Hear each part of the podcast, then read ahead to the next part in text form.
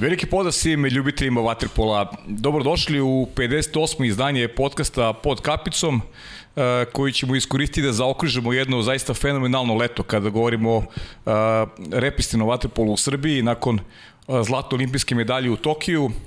Juniori su postali svetski prvaci na nedavno završenom šampionatu u Pragu, a mlađi juniori rođeni 2004. godine i mlađi su bukvalno minulog vikenda na Malti postali šampioni Evrope šta reći posle svega, zaista jedna, jedna neverovatna priča uh, srpskog vaterpola posle odlaska šestorice veličanstvenih za reprezentacije uh, za prepostaviti je, makar mi koji to pričamo ovako sa malo uh, malo više i laičke strane da ne treba brinuti za, za budućnost srpskog vaterpola, a da li je baš tako i kako izgleda ovaj turnir na Malti, razgovarat ću danas sa selektorom te reprezentacije e, Milošom Korolije. Miloše, za početak čestitke u ime cele ekipe koja e, radi ovaj podcast i prošli put smo pričali o tvojoj karijeri. Da, samo za početak, ako niste gledali podcast e, sa Milošem o njegove karijeri, obavezno pogledajte.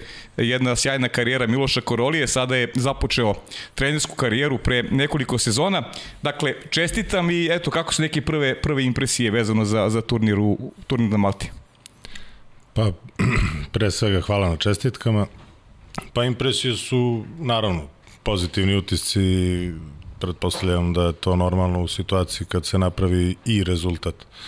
Tako da bilo je jedno kvalitetno prvenstvo, e, po meni možda malo iznenađujući izjednačeno u, u smislu kvaliteta drugih ekipa, ali mislim to je i normalno pošto se s ovom generacijom nismo takmičili prošlo leto nego pre dve godine kad su oni imali 15 godina, ipak je to dugačak period u tom stadijumu razvoja, tako da vidim da su i drugi napredovali i sad smo onako stvarno jedno dobro prvenstvo odigrali ne samo mi nego i druge reprezentacije. Da, e, ajde pre nego što pređemo na, na prvenstvo i na, i na a, kompletne pripreme, samo da kažem da danas nema a, Sare. Sara je opravdano odsutna, gledat ćete već a narodnog četvrtka zajedno e, sa mnom u podcastu.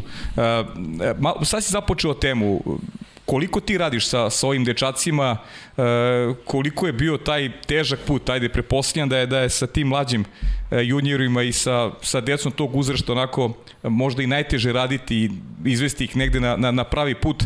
E, kolika je to baza igrača bila i koliko se promenilo u odnosu na ono što smo gledali sada na Malti? Pa ja sa njima sa tom generacijom radim praktično kako sam ja počeo da radim kao trener. Znači, to je septembar 2018 to je moj početak kad sam ja još uvek igrao, ali tako, poslednju sezonu, a trenirao njih kad su oni bili, to je 14, 13-14 godina kako ko, ovaj, kadeti u tom momentu u Partizanu. I već u toj godini i već samo na početku rada u Partizanu je bilo jasno da je to za razliku od nekih prethodnih generacija i čak i ovih mlađih od njih, dosta onako jedna široka baza dečaka koji se bave ovaj, vaterpolom u klubu, a onda kako su krenula takmičenja ta kadetska, bilo je očigledno da ima i u drugim klubovima kvalitet. Tako da vrlo brzo, naravno, meni su i rekli ljudi koji su vratili tu generaciju od onih najmlađih dana, da tu ima i kvaliteta i u našem klubu i da ima u drugim klubovima, tako da od tog samog početka je to bilo jasno. Iste te godine, znači prve te vikend pripreme okupljanja, odnosno kampovi, kako god ih zovemo, reprezentacije, ovaj, sam bio uključen i u rad sa tom generacijom u reprezentaciji. To je ovaj, od početka praktično uh, njihovih uh, okupljanja sam ja sa ovom generacijom, znači poslednje tri godine. Uh mhm. -huh. ono što je meni interesantno, kad pogledamo kasnije ću reći i, i taj, taj, taj spisak imena igrača koji su osvojili zlatnu medalju zajedno sa tvojim stručnim štabom, da onako ima igrača iz, iz više klubova i, i iz više gradova, ne samo klubova, što je opet potvrda da se dobro radi u drugim sredinama. Uh, jest, kažem opet, voleo bih da je tako i sa mlađima od njih uh -huh. i mhm. sa starijima od njih, međutim nije u ovoj generaciji to nekako dođe više kao izuzetak. Uh mhm. -huh. Ne da bi ja kritikovao rad drugih kluba, nego jednostavno kao faktičko stanje da u ovoj generaciji stvarno ima momaka koji dolaze iz manjih sredina i na jedan onako visok, visok nivo su digli taj, taj vaterpolo u, u tim sredinama da igraju. Tako da tek treba oni da postanu igrači, naravno, ali pričamo u ovoj konkurenciji. Mm -hmm. Tako da je šira baza nego u prethodnim godištima. E, kaže Miloše, e, koliko ti je bilo teško da, da saopštiš ovaj spisak igrača koji su, koji su oputovali na Maltu? Ili bilo tu nekih dilema? E, negde sam čitao da, da je, ima i povređenih igrača koji nisu mogli da, da učestvuju na, na prvenstvu, pa ajde malo da nam, da nam kažeš vezano na tu temu nešto. Što se tiče povreda, to je jednostavno tako kako je. No, to neretko ovaj, neretko i ne može da se utiče. Tako je bilo i u ovom slučaju. Kažem da ne pričamo sad o imenima, ima tu igrača koji su svakako zasluživali da, da, da budu na ovom užem spisku od 15 imena, međutim nisu zbog povrede ili zbog uh, sticaja okolnosti, u stvari konkretno pozitivan test, da li je lažno, da li je stvarno pozitivan čovek, živ, zdrav, ništa mu ne fali, a ovaj, ima, znači takvih slučajeva je bilo i to je uticalo na krajnji na krajnji spisak. Jednostavno i tu se, pogotovo sad u ovoj situaciji korone i svega ostalog, vodi računa Naravno da to nije odluka bila isključivo samo moja, već naravno i medicinskog tima, odnosno Waterpolo Saveza Srbije, u smislu i kontekstu da jednostavno to pravilo da tri pozitivna člana ekspedicije uh mhm. -huh. je i više, je automatska diskvalifikacija. Da, da, da, jasno. E sad to mogu da budu uh, fizioterapeut, pomoćni trener i trener, sve jedno je. Diskvalifikacija uh -huh. cele ekipe, naravno kad su igrači u pitanju ovaj, tu je sve jasno. Tako da u toj situaciji neke odluke se donose na način na koji se donose, to su jako neprijatne odluke, pre svega pogotovo kao neko ja sam u toj situaciji u tom konkretnom slučaju verovao da je to apsolutno lažan mm -hmm. pozitivan nalaz, ne lažan zato što neko zlonamerno, nego lažan zato što se jednostavno to dešava, Tako greške je. se mm -hmm. potkradaju. Međutim, e, takve su okolnosti da se ne sme rizikovati. Tako isto i sa povredama, naravno, idu oni najspremniji, oni koji mogu najviše tamo da pruže, a ne koji su možda to kvalitetom ili zalaganjem zaslužili, uh mhm. -huh. nego oni koji mogu tamo najviše da pruže. Ako je neko povređen, jednostavno ne, ne, nije to turističko putovanje. Uh mhm. -huh. A što se tiče i odabira igrača koji će idu, ta selekcija celo leto pravljena onako, kako bih rekao, vrlo temeljno i detaljno. E, radi se naravno i o igračima koji su u ovom momentu pružaju kvalitet i o igračima koji predstavljaju perspektivu u smislu da postoji još puno prostora za napredak. Tako da u ovom uzrastu je možda malo i teško proceniti i praviti balans između ta dva zato što je prerano da se biraju samo najbolji, već se mora malo i gledati u daljinu, ali tako pa videti ko od momaka ima još puno rezerve i potencijala koje nije iskoristio, a ukazuje da će ga iskoristiti, kažem.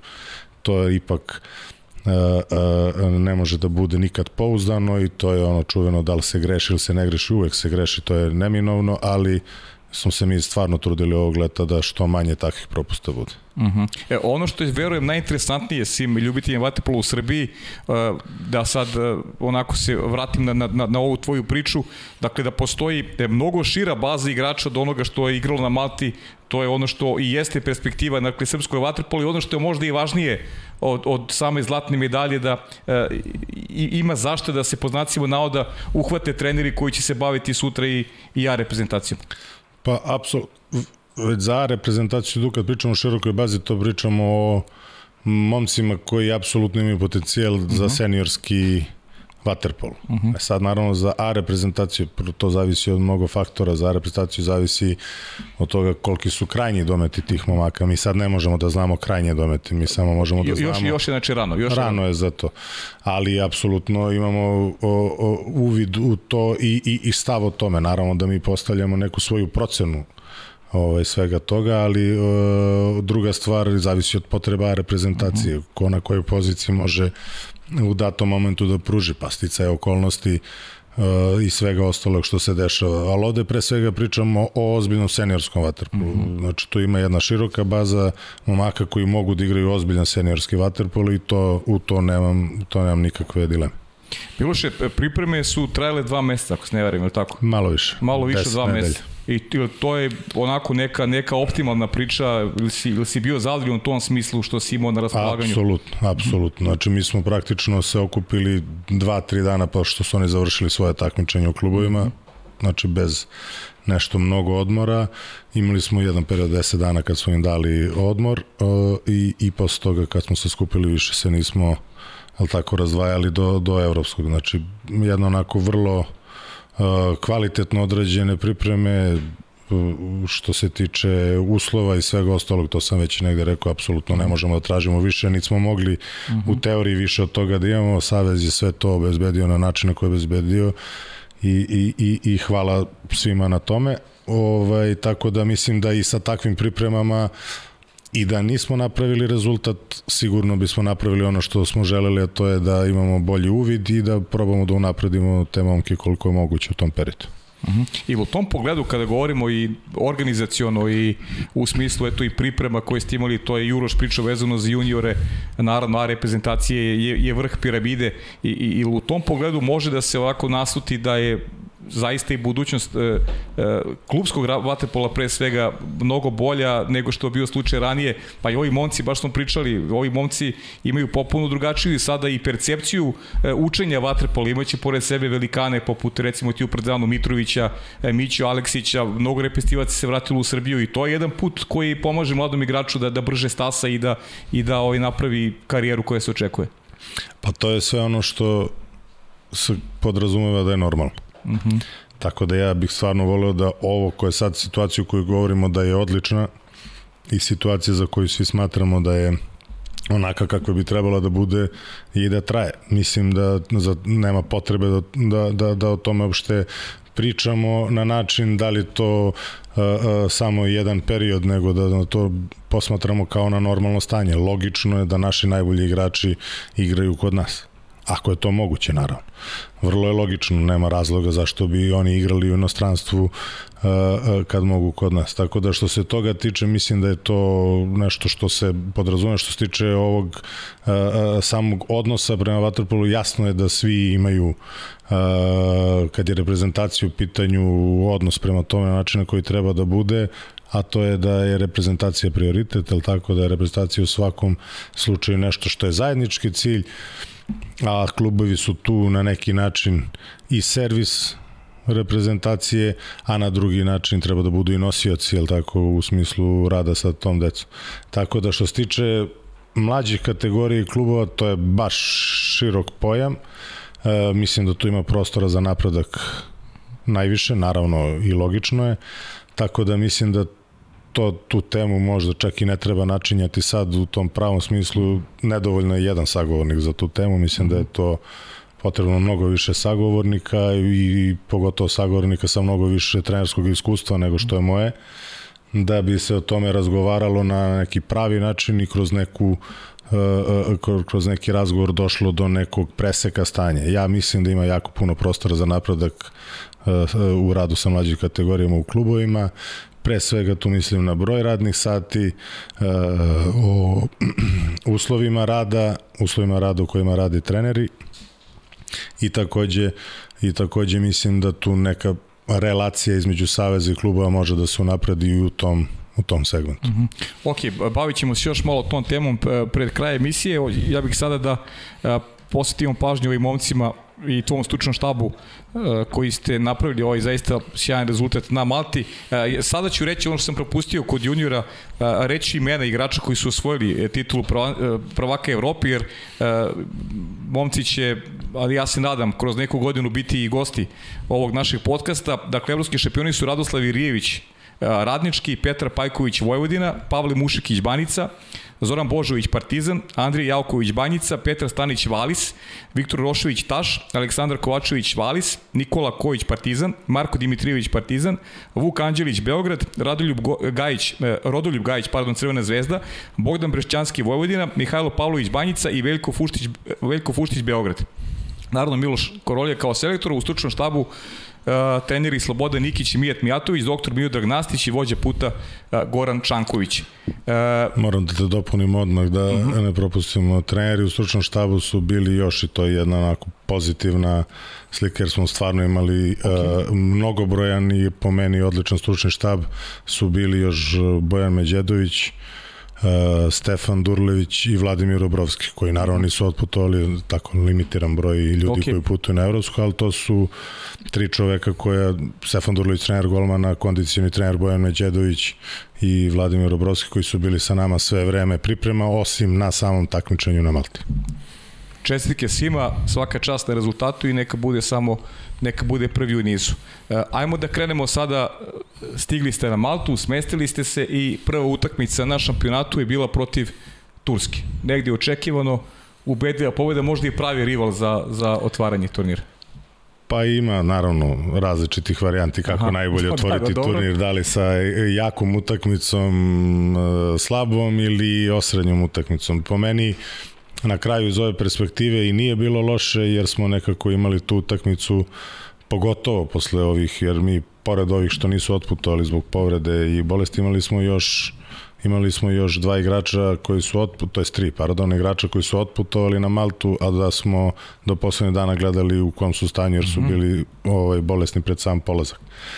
Ovaj, tako da u tom slučaju nam je možda i prijalo malo da, da imamo tog lakšeg protivnika na početku i da postepeno ulazimo u turnir, tako da nije ni bilo loše taj redosled Turska na početku pa posle ove ozbiljnije utakmice. Mislim, o samoj utakmici stvarno nema da, okay. šta pričati, apsolutno razlika u kvalitetu postoji, pogotovo te neke slabije reprezentacije i ciljaju svoje utakmice, oni ne vide šansu protiv nas uh -huh. i mhm. onda te utakmice praktično i ne igraju na način, možda bi oni mogli to i bolje da odigraju, ali jednostavno ne žele da na turnirskom nekom takmičenju troše energiju protiv favoriza, favorita koga teško da mogu da pobede. Mhm. E, ali idemo zato drugo kolo Gruzije. To mi je interesantna priča jer e, sedeo je tu i Boris Vapenski pa mi malo govorio o tome e, da ima u Gruziji talenata, da imamo maka za koji on onako vidi da, da imaju kvalitet, da imaju, da imaju, imaju potencijal.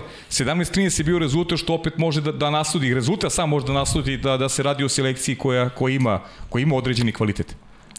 Pa ja sam sve vreme šalio na tu temu Gruzije još, pošto znam tri godine ovu mm -hmm. generaciju gruzijsku, klasična nagazna mina. Mm. Imenom ne nešto zvučna, da. ali jednostavno ovaj, ekipa koja ima ima kvalitet očigledno ovaj, da su i utrenirani i uigrani u, u, u, u ovom uzrastu mislim da je to ipak ovo godište samo izuzetak uh mhm. -huh. u odnosu na ostatak ne da su u drugim godištima mnogo slabi, ali jednostavno ovde nekako koncentracija tog kvaliteta u tom godištu, pre svega imaju tog jednog igrača koji je reprezentativac, koji je igrao kvalifikacije za olimpijske igre. Da, to je te momak za koga, mi, za koga mi je Boris i pričao. Tako da. je, za, taj momak je praktično već formiran u svakom uh mhm. -huh. smislu, po meni i igrački i fizički, tako da ovaj, e, nije jedini, uh mhm. -huh. ima tu još dva, tri onako poprilično kvalitetni igrača, međutim ipak mislim da smo mi tu utakmicu apsolutno pocenili, pocenili protivnika, jer svi su se mučili sa Gruzijom pre dve godine na onom evropskom, osim nas. Mi smo kao to pre, previše lako pobedili, s njima smo igli za peto mesto, oni su tada ušli u šest. Je, da, to mi nisi rekao, pre dve godine je, da, ta generacija bila peta, je li tako? Ta, na, na naša generacija je mhm. bila peta, to je stice okolnosti. Na tom evropskom prvenstvu je bilo jasno da su dve najdominantnije ekipe u godištu Mađarska i Srbija. Uh mhm.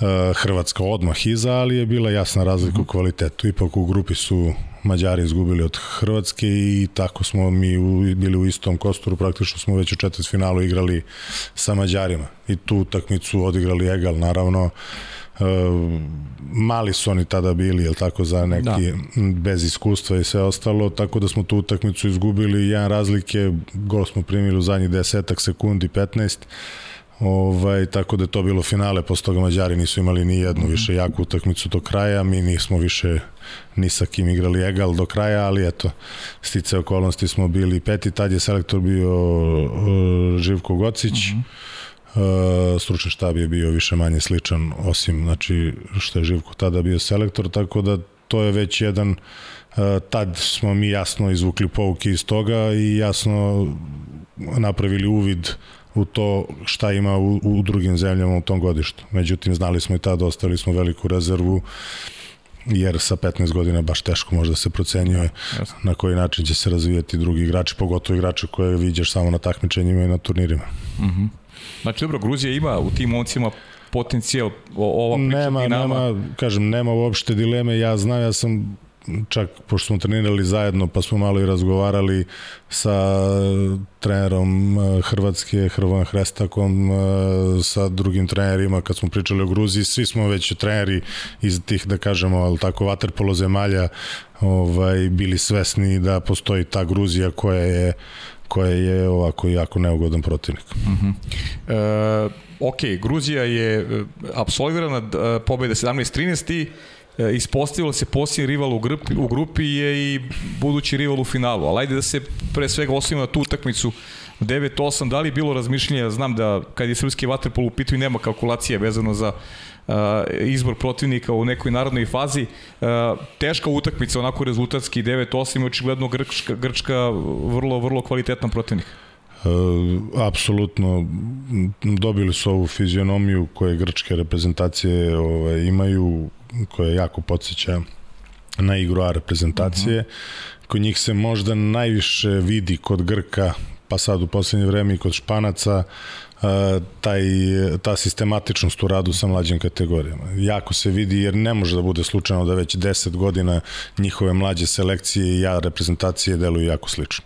I po stilu igre, i po izboru igrača koji, koji igraju i po načinu kako se rešavaju određene situacije, što u odbrani, što u napadu, to stvarno jako podsjeća jedno na drugo znači kažem pre svega Grci, a u poslednje vreme i Španci. I onda dobijemo al tako neku informaciju na tim takmičenjima koje možda ne bismo dobili u, drugim okolnostima da se oni jako često skupljaju, treniraju svojim tim trenažnim centrima, e, širi spisak reprezentacije se okuplja, radi se na isti način sa svima, e, praktično se omogućava svima da imaju podjednak tretman uh mhm. -huh. E, i, i to se, eto, kažem, na kraju i isplati, pogotovo, kažem, u njihovom slučaju gde oni već u kontinuitetu imaju kvalitetne reprezentacije u mlađim kategorijama, a boga mi evo i izbacuju i kvalitetne seniorske reprezentativce.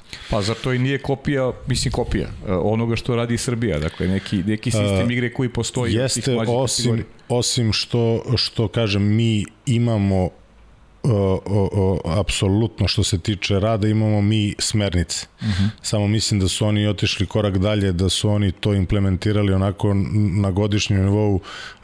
Često se, kažem, ukupljaju, često se ukupljaju širi spiskovi i prave se prostor za to. Sad, kažem, ne bih ulazio u detalje uh mhm, -huh, šta to njima omogućava, to je isticaj okolnosti, ne može na sve da se utiče iz razgovora sa drugim trenerima, na primjer u drugim zemljama i ovo što mi imamo apsolutno nezamislivo. Oni nemaju ni, ni, ni, ni pol od ovoga što mi imamo. Ja samo, kažem, volim da se ugledam na ove koji to drže na visokom okay. nivou.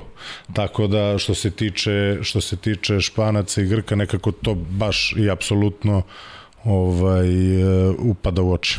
Pa, onako iz, iz tvog sad e, ovog e, dela dela razgovora i tvoje priče dolazi neko do zaključka da bi Španija i Grčka mogli da budu veliki rivali Srbije u periodu koji, koji dolazi. Uh mhm. -huh. Sigurno sigurno uh, i, i kažem volim taj pristup njihov u kontekstu da drže stvari pod kontrolom. Oni se pitaju kakav će biti, mm. kakav će biti u budućnosti njihova reprezentacija.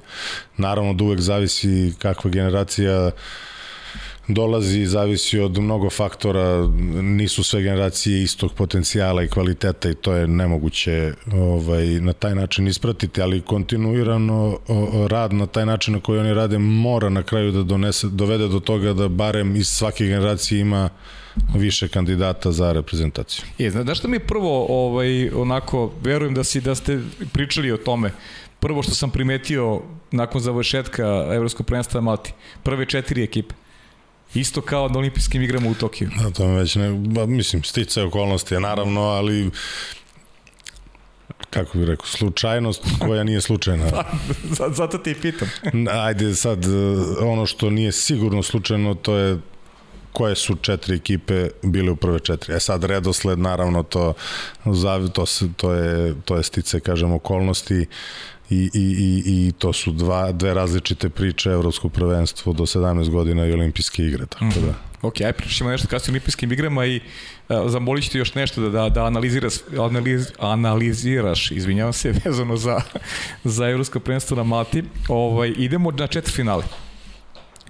Holandija, da li je to uh, po četiri finale koje samo po sebi donosi taj teret pa se osetio kroz, kroz utakmicu ili se nešto značajno dešava sa, sa holandskim vaterpolom kada govorimo o tom radu sa mlađim kategorijama uh, rezultat 11-10 za neku širu javnost, za ljude koji ne prate pomno vaterpolo je bilo prilično iznenađujuće. Uh, kako bih to nazvao? Ajde, iskreno. A, iskoristio sam već ovog kviska za Gruziju, rekao sam da su nagazna mina, ne mogu sad za Holandjani. Dobro.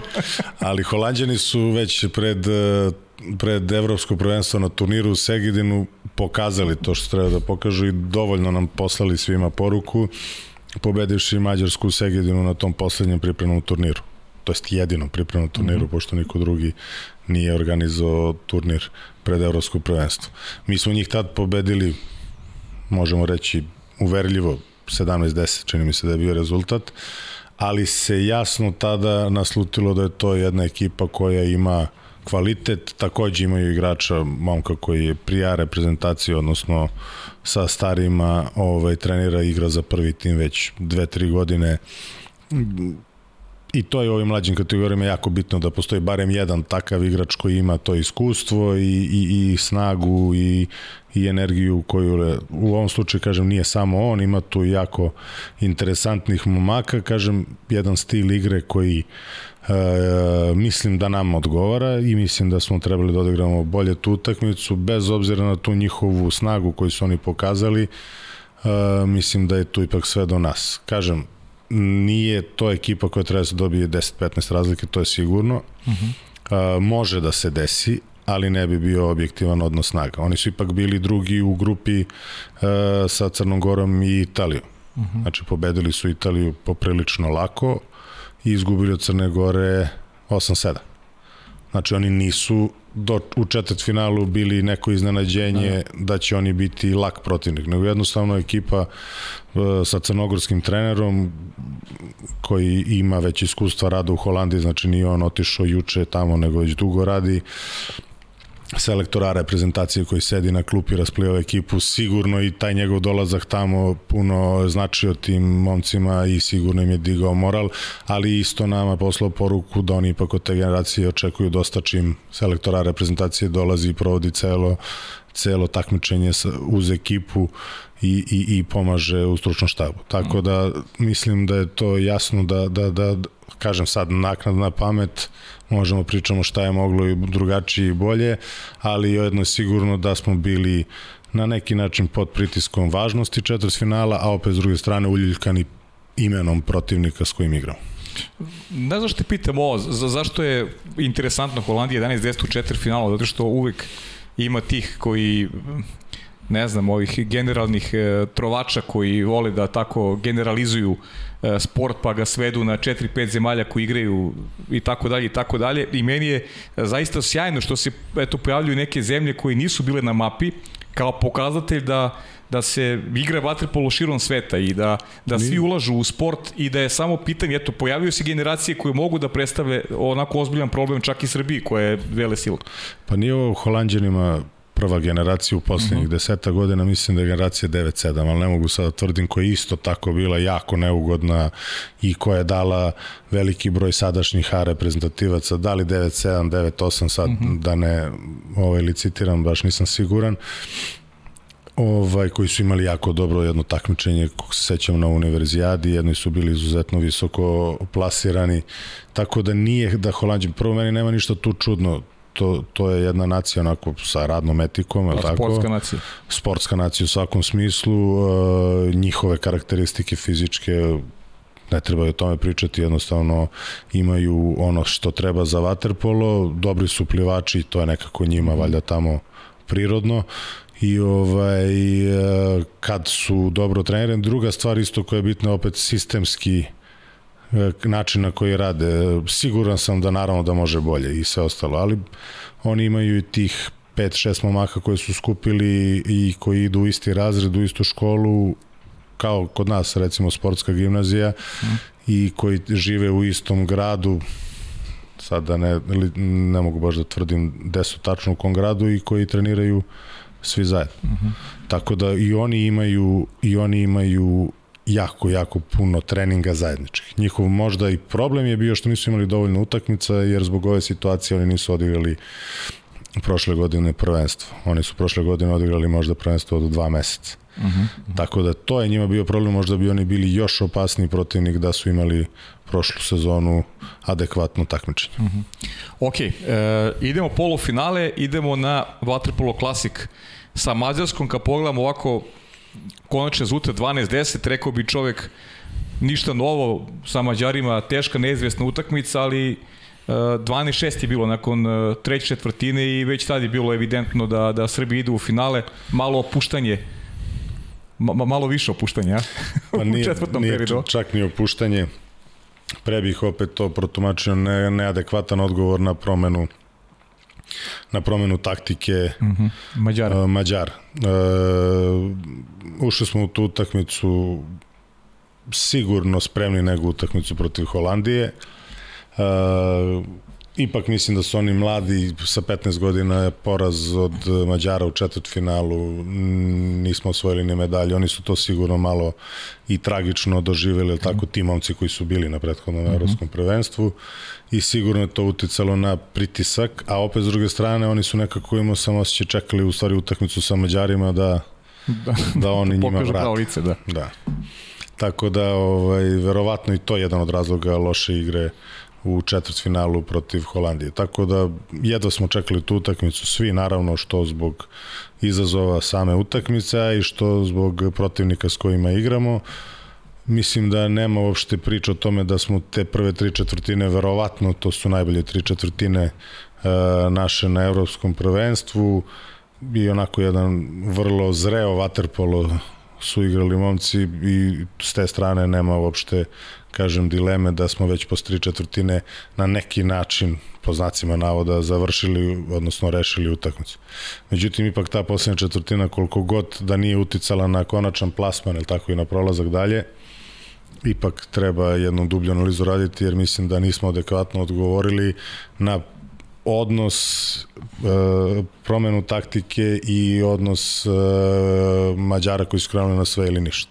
Mm -hmm to je sad bilo šest golova razlike pa je bilo dovoljno. Da je bilo pet, da li bi da. bilo dovoljno, da je bilo četiri, jasno je da ne bi bilo dovoljno. Tako da ovaj, tu ipak treba malo dublja analiza da bi se podvukla crta, ali naravno to na samom takmičenju nema se vremena za takvu vrstu analize, jer za to je ipak potrebno više sati razgovora i i, i više sati uh, gledanja tog snimka i analiziranja grešaka.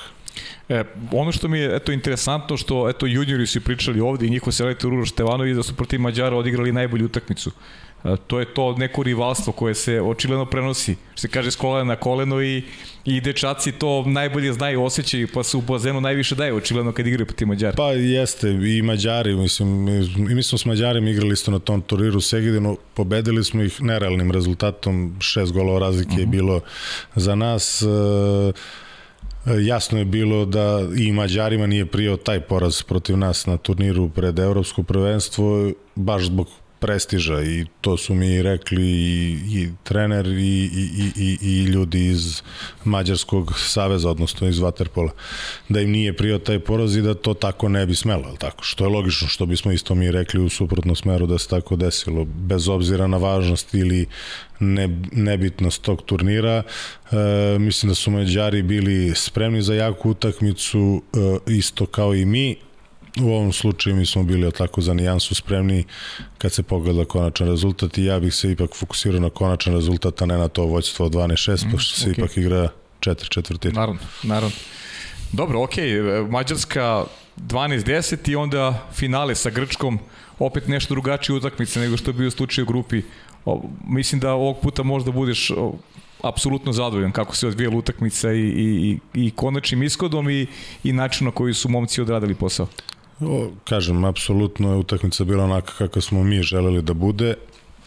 To je dokaz da smo u, u, u pripremi utakmice dobro odradili posao, da smo uh, momcima približili ono što ih sutradan čeka, odnosno tog dana ovaj, na, na, na samoj utakmici. Uh, izvukli pouke iz prve utakmice, el tako, koja je isto bila u egalu, bez obzira što smo mi tu utakmicu igrali sa 12 sati odmora posle one Gruzije koja je bila ovaj, prepuna. Mislim da nismo bili spremni za tu utakmicu u grupi koliko smo bili spremni za finale. Tako da smo u finalu nekako na pravi način pristupili bez ikakve dileme, odigrali utakmicu, kontrolisali meč na način na koji smo to želeli. Uh -huh. e, ajme kaži iskreno, pred meč Grčke i Španije, šta si prižekivao? Kog rivala u finalu? E, imam i svedoka, imam čak i e, zapisano u, u, u, uh mhm. -huh. ovaj, na, u telefonu u porukama jer sam se dopisivao sa Žiletom za vreme utakmice. Aha. U, ovaj, ide sad komentarišemo ko je bolji. Grci ili Španci. Dobro. Da sam ja pisao, ja stvarno još nisam odlučio ko nam je, ko nam je bolji. Nemam uopšte taj odnos. Drugačiji jesu, Uh, Grci deluju na oko kvalitetnije, to su i pokazali, pobedili su Špance, međutim Španci su onako brzi i neugodni, imaju svoj sistem, organizovani su i stvarno nisam uopšte dovodio u pitanje da ja nekog priželjkujem. Uh mhm. -huh. Jednostavno to, mislim da to čak i ne radi po prirodi stvari, uh, da priželjkuješ nekog protivnika pa pobedit će onaj ko je bolji, šta ima ti tu da. da priželjkuješ ili da ne priželjkuješ. Ali kad bi pričali ko nam više leži ili ne leži, možemo da kažemo da nam možda Grci više leži. Iako su u ovoj generaciji pokazali da su ne za nijansu, već mhm. -huh. da su dosta bolje od ovih Španaca. A ona priča dva puta isti rival na istom takmičenju? E, to ne, to da. čak ni ne razumem. Ne razumeš, a dobro. Okay. Znam za priču, ali nikad nisam ali, razumio. dobro, dobro. E sad ovako, znači, osvojeno zlatno, zlatno odličje, pa ima sad neka priča, ili ste, ste malo sebi dali oduška posle, posle tog meča, kakav je bio pa, ambijent na Malti, ili bilo navijačeve su mogli ili ljudi ne, da gledaju? Ne, nije bilo navijača, bili su jako rigorozni po tom uh mhm. -huh. pitanju, bilo je publike, akreditovane publike, akreditovane znači publike. to je trebalo preko federacije da se pošalje zahtev za akreditaciju, uh mhm. -huh. onda tamo ljudi iz Lene izdaju te akreditacije s koje može se uđe. Mislim, sad nisam 100% siguran da je baš bilo ono da samo vakcinisani ljudi mogu da dobiju akreditaciju, iako je to na otvorenom bazenu koji prima 5000 ljudi i da pustiš 1000 ljudi, to može da se raširi na sve strane i da ne bude nikakva guža. Da. Međutim, oni to više da su, ja mislim da su više bili striktni zato što su oni jako striktni što se tiče njihovog malteškog takmičenja, nisu ove godine pustili publiku i onda nisu želeli da stvore sliku, uh -huh. eto, nismo pustili na naše, a puštamo na evropsko, tako da su bili jako striktni, samo ljudi koji su akreditovani su ulazili, kažem, nije bilo navijača, nego publiki, to su glavno bili roditelji, to su uh, mladi momci, tako da su roditelji dolazili iz drugih zemalja, uh, da, da, gledaju, da gledaju i to je bilo ono što je tiče, što se tiče atmosfere na tribinama. Što se tiče ovog opuštanja, davanja oduška, pa eto, pustim, dali smo klincima telefone da mogu da imaju celo večer. telefoni, e pa dobro, to je da ovim novim generacijama su telefoni kao da si im dao ne znam šta. Pa da, no ne, nije. Jednostavno smo ih držali stvarno u fokusu dva meseca i više koliko smo mogli naravno da im držimo fokus na waterpolu i sad su nekako dobili, eto, da kažem, neku satisfakciju i zaista smo mislili da bi bilo glupo na bilo koji drugi način nego ih pustiti Naravno. da uživaju u uspehu. Naravno, u uživanju u uspehu na način na koji dolikuje. Mhm. A kaži mi šta je, šta je rekao Deki, znam da, znam da je bio, on je on je ovog leta i učestvovao u osvajanju olimpijskog zlata, bio je i sa juniorima u Pragu, a bio je i na Malti. Pa ono, klasični naši razgovori vezani za Waterpolo, plus još poneka šala i pošalica, što ono sve ide sve zajedno ali ovaj, možemo i za to da vezujemo, da kažemo, te kvalitetnije igre momaka, nekako se uh mhm. -huh. koincidiralo sa Dekijevim dolaskom na, na, na Maltu. Uh mhm. -huh. ovaj, gde su sigurno je njima značilo njegovo prisustvo tamo i, i, i to što je on tu da je njih gleda kako oni igraju tako da s te strane ovaj, sad komentari njegovi naravno nećemo pričati to, o tim to, detaljima. To su, to su vaše stvari, ok. Ali ovaj, ono što što, što je i uobičajeno. Uh -huh. E, kaži mi sad Miloše da zaokružimo priču o, o tom evropskom prvenstvu, šta je sledeći korak i šta treba da bude kruna ove generacije?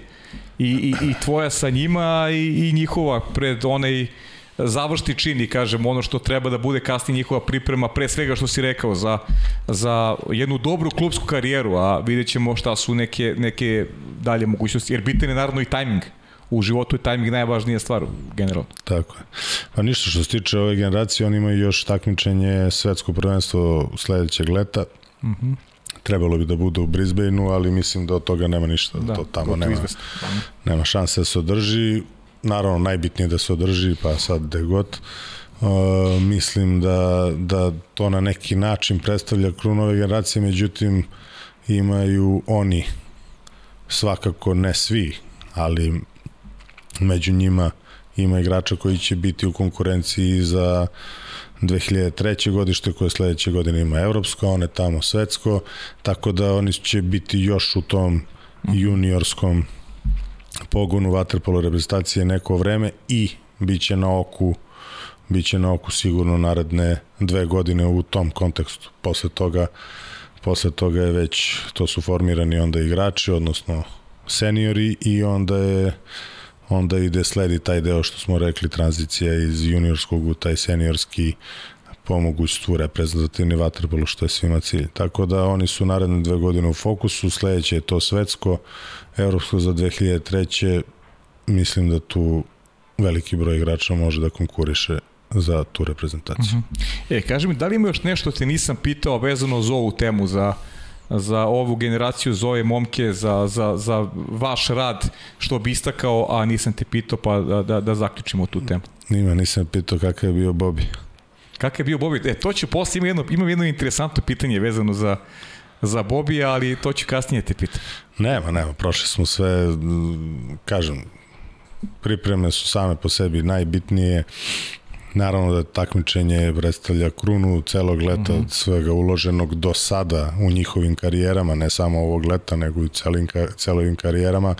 Šta su uložili u Waterpolo, ovo je za ovaj trenutak bila kruna njihovog dosadašnjeg rada, ali naravno već sutradan svi se oni vraćaju kući idu u školu pa na trening. Da, e, pazi ovo sad, dobro si mi sad podsjetio, o, o, ovo je možda najbolje za kraj.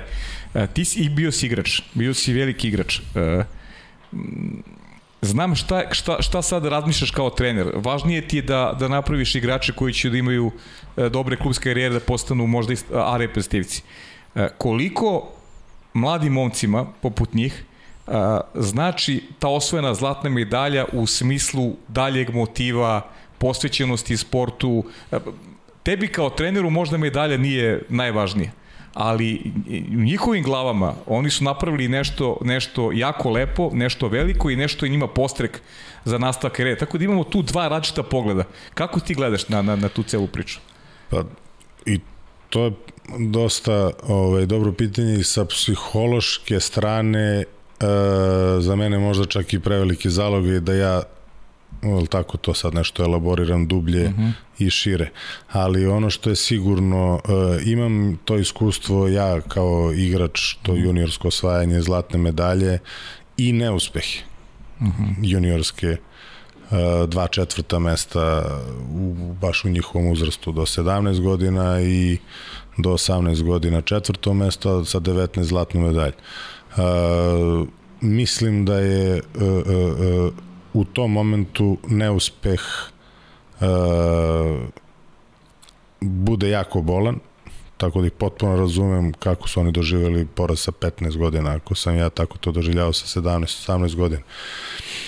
I isto tako iz tog neuspeha može da se crpi mm -hmm. energija za budući rad i napredovanje, kao i iz uspeha. Samo što je naravno pristup potpuno drugačiji. Uh, opet s druge strane, mislim da njima ta takmičenje jako puno znače da vide i da prave razliku. Oni sad već mogu da analiziraju dva takmiča u svojim glavama, samo da jednostavno stave sa jedne i sa druge strane jedno takmičenje i drugo takmičenje. Šta je bilo različito uh, sada kad je bio uspeh i onda kad je to bio po znacima navoda da. Neuspeh, mislim, nikakav neuspeh to nije bio, podjednako kvalitetno odrađene pripreme, podjednako kvalitetno odrađena selekcija, podjednako kvalitetno odigrane utakmice na samom prvenstvu, jednostavno bila je ta jedna utakmica da je protivnik bio bolji i to je sve.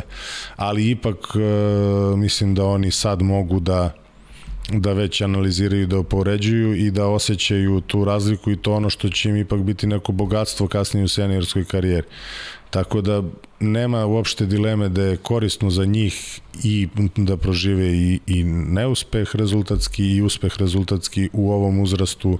Mislim da se jača i karakter i tako isto sa nama trenerima je lakše da ocenimo ko ima karakter mm -hmm. a, a, koji je a, a, a, imun na tu vrstu neku ili opuštanja ili prevelikog pritiska što je jako bitno. Mm -hmm.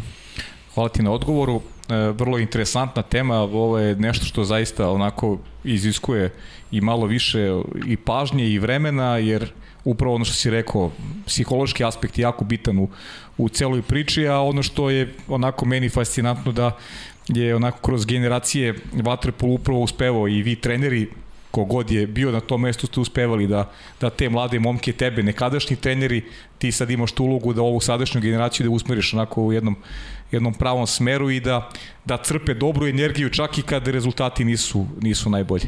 Pa, bitno je da kažem, da oni budu svesni potencijala koji imaju. Uh mhm. -huh. Da budu svesni potencijala, ali da ne budu, uh, kako je nama govorio naš trener tada, ko te tapše po ramenu, taj ti nije prijatelj. Da, da. Tako isto i ovde, ko te kritikuje, e, a posao mu je da te kritikuje.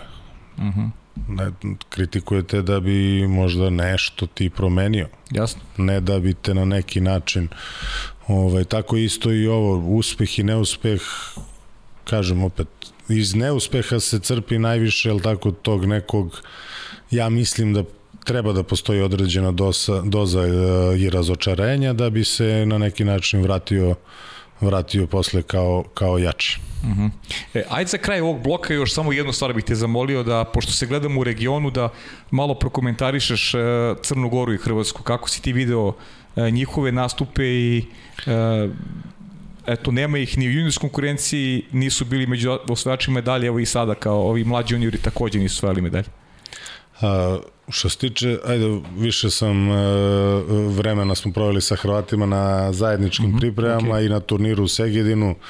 E, mislim da iz njihovog ugla, ono što sam ja video, napravljen iskorak u odnosu na, na pre dve godine ovu generaciju bili su izuzetno interesantna ekipa, pogotovo za gledanje. Mm -hmm. Sa trenerskog aspekta jako interesantna ekipa. E, vrlo dinamično, leva strana agresivni, to su momci koji su već očigledno sa dosta igračkog iskustva, gde oni biraju moment kad e, uplivavaju, kad ulaze u gol šansu, odnosno prilaze golu i tako dalje, nemaju klasičnog centra dominantnog isto kao i u, u kao juniori. Kao i juniori u Pragu i to je već možda ajde za, za njihove pojmove ne, atipično, ali ovaj isto tako što ne znači da da ovi drugi igrači nisu to uspeli da kompenzuju. Na neki način jesu i u nekim utakmicama jesu. E, poraz u grupi ih je opet koštao, je tako, tog malo lakšeg protivnika u mhm. četvrtfinalu gde su otišli direktno na Mađare koji su tu utakmicu bili apsolutno spremni za, za, za, za ekipu Hrvatske i onako golman koji je kvalitetno branio, razbranio se i bila je, ako da kažem, nezgodna utakmica za, za Hrvatsku. Ali isto tako Hrvati su, kažem, dobili te Mađare tamo na turniru, tako da su Hrvati ovaj put bili potpuno, o, Mađari bili ovaj potpuno spremni za Hrvatsku i ipak je kvalitet na mađarskoj strani. A što se tiče uh, uh, Crne Gore, Crna Gora je uh, uh, jedna jako interesantna reprezentacija, ne samo za gledanje, nego kažem jednostavno taj njihov poimanje vaterpola se dosta razlikuje od našeg, uh, pogotovo u tim mlađim kategorijama. Uh, tu, to naravno zavisi iz kojih klubova većinski dolaze igrač, ali ovaj, uh, imaju kvalitet, imaju potencijal, uh, mislim da nisu bili na svom maksimumu u nekim utakmicama, dok s druge strane imali su protiv Grčke odličnu utakmicu gde su praktično vodili tri razlike krajem treće četvrtine. Su vodili tri razlike, nisu više dali ni jedan gol i primili su četiri i tako su ispali od Grčke u četvrtfinalu. Znači, jako blizu kvalitetom vrhu, to što sad rezultatski nisu bili u vrhu, mislim da ne znači ništa za, za budućnost. Da, naravno. Dobro, oni su, eto, kostojemo samo da je Crna Gora pobedila Hrvatsku u tom meču za peto mesto, neka neizvesna završnica je bila, znam da je Crna Tako. Gora sla 13-12 recimo da je bio rezultat za, za Crnu Goru. 14-12. Ili 14-12, 14-12, okej. Okay. E, dobro, ajmo da, da sad malo analiziramo uh, one stvari koje su dešavale tokom leta. Uh, naravno si to pratio, ostavit ću za kraj olimpijske igre da im malo prokomentarišeš uh, ove juniore i njihovu, njihovo osvanje uh, zlatne medalje u Pragu. Uh, nemam više neki komentar da dodam, već dosta o tome rečeno, jedino da ponovim da potvrdim da je uh, sigurno nisam bio prisutan, tako da ne bi pričao, sam siguran pa znajući Uroša i, i, i, i njegov stručni štab, sigurno su određene vrlo kvalitetne pripreme. Uh, jasno je iz uh, svega viđenog da su momci na te pripreme reagovali. Naravno da smo se mi čuli tokom priprema i da ja ovaj, sam na neki način i upućen, ali i da nisam, očigledno da su momci reagovali dobro na, na, na izazove koji su pred njih postavljeni na pripremama, da se postepeno, ali tako, ta ekipa i i ovaj dizala u toku leta, ako se setimo onih rezultata na turniru u u, u, u ovaj Puli, ja mislim da je odigran turnir u Hrvatskoj su igrali pripremni turnir. Uh mhm. -huh. Ovaj, tako da i znam za sparinge sa Grcima, sa Crnogorcima i ono što mi je rečeno da su to, je tako, momci konstantno dizali forumu tokom celog leta. Tako da meni nekako to samo takmičenje, ja nisam imao bojazan za nivo igre koji će oni tamo pružiti, naravno nisam mogao da znam ili da tvrdim da će osvojiti zlato, ali naravno ovaj, jako je bitno, opet kažem, i da ta satisfakcija dođe što što trenerima i stručnom štabu vaterpolo javnosti, a pre svega tim momcima koji su osvojili. Nemam, kažem, šta tu da dodam i, i što se tiče drugih reprezentacija, to su već stariji momci, već tu znamo te igrače i koji igraju po prvim timovima i duže su u tim juniorskim kategorijama, pa ih i znamo i znamo snagu drugih reprezentacija, tako da po meni ja nisam vidio neko iznenađenje na samom mm -hmm. prvenstvu, barem ne veliko iznenađenje, a ovaj, kažem, nisam imao ni u jednom momentu bojazan na, za to na kom nivou će biti naša ekipa. Mhm. -huh.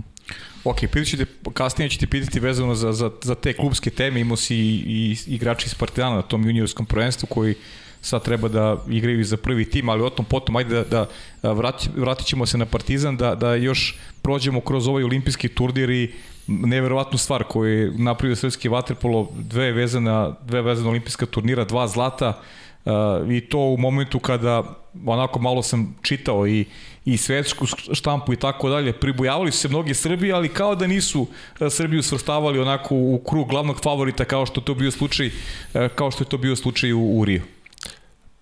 Pa ja imam svoj pogled na, na, mhm. na, na baš taj detalj što ti kažeš da, da, da niko nije računao Srbiju za apsolutnog favorita. Ni ja nisam računao Srbiju za apsolutnog uh -huh. favorita.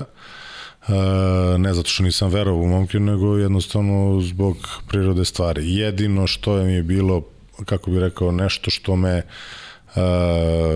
sve vreme držalo kao velikog optimistu, pre svega njihov karakter, odnos prema tom igranju za reprezentaciju, pogotovo prema igranju olimpijskih igara. I druga stvar, mislim da nam je prijelo to što ipak olimpijske igre nisu održane prošle godine na neki način mislim da jeste, možda grešim, ja stvarno da, ne bih sad... rekao isto.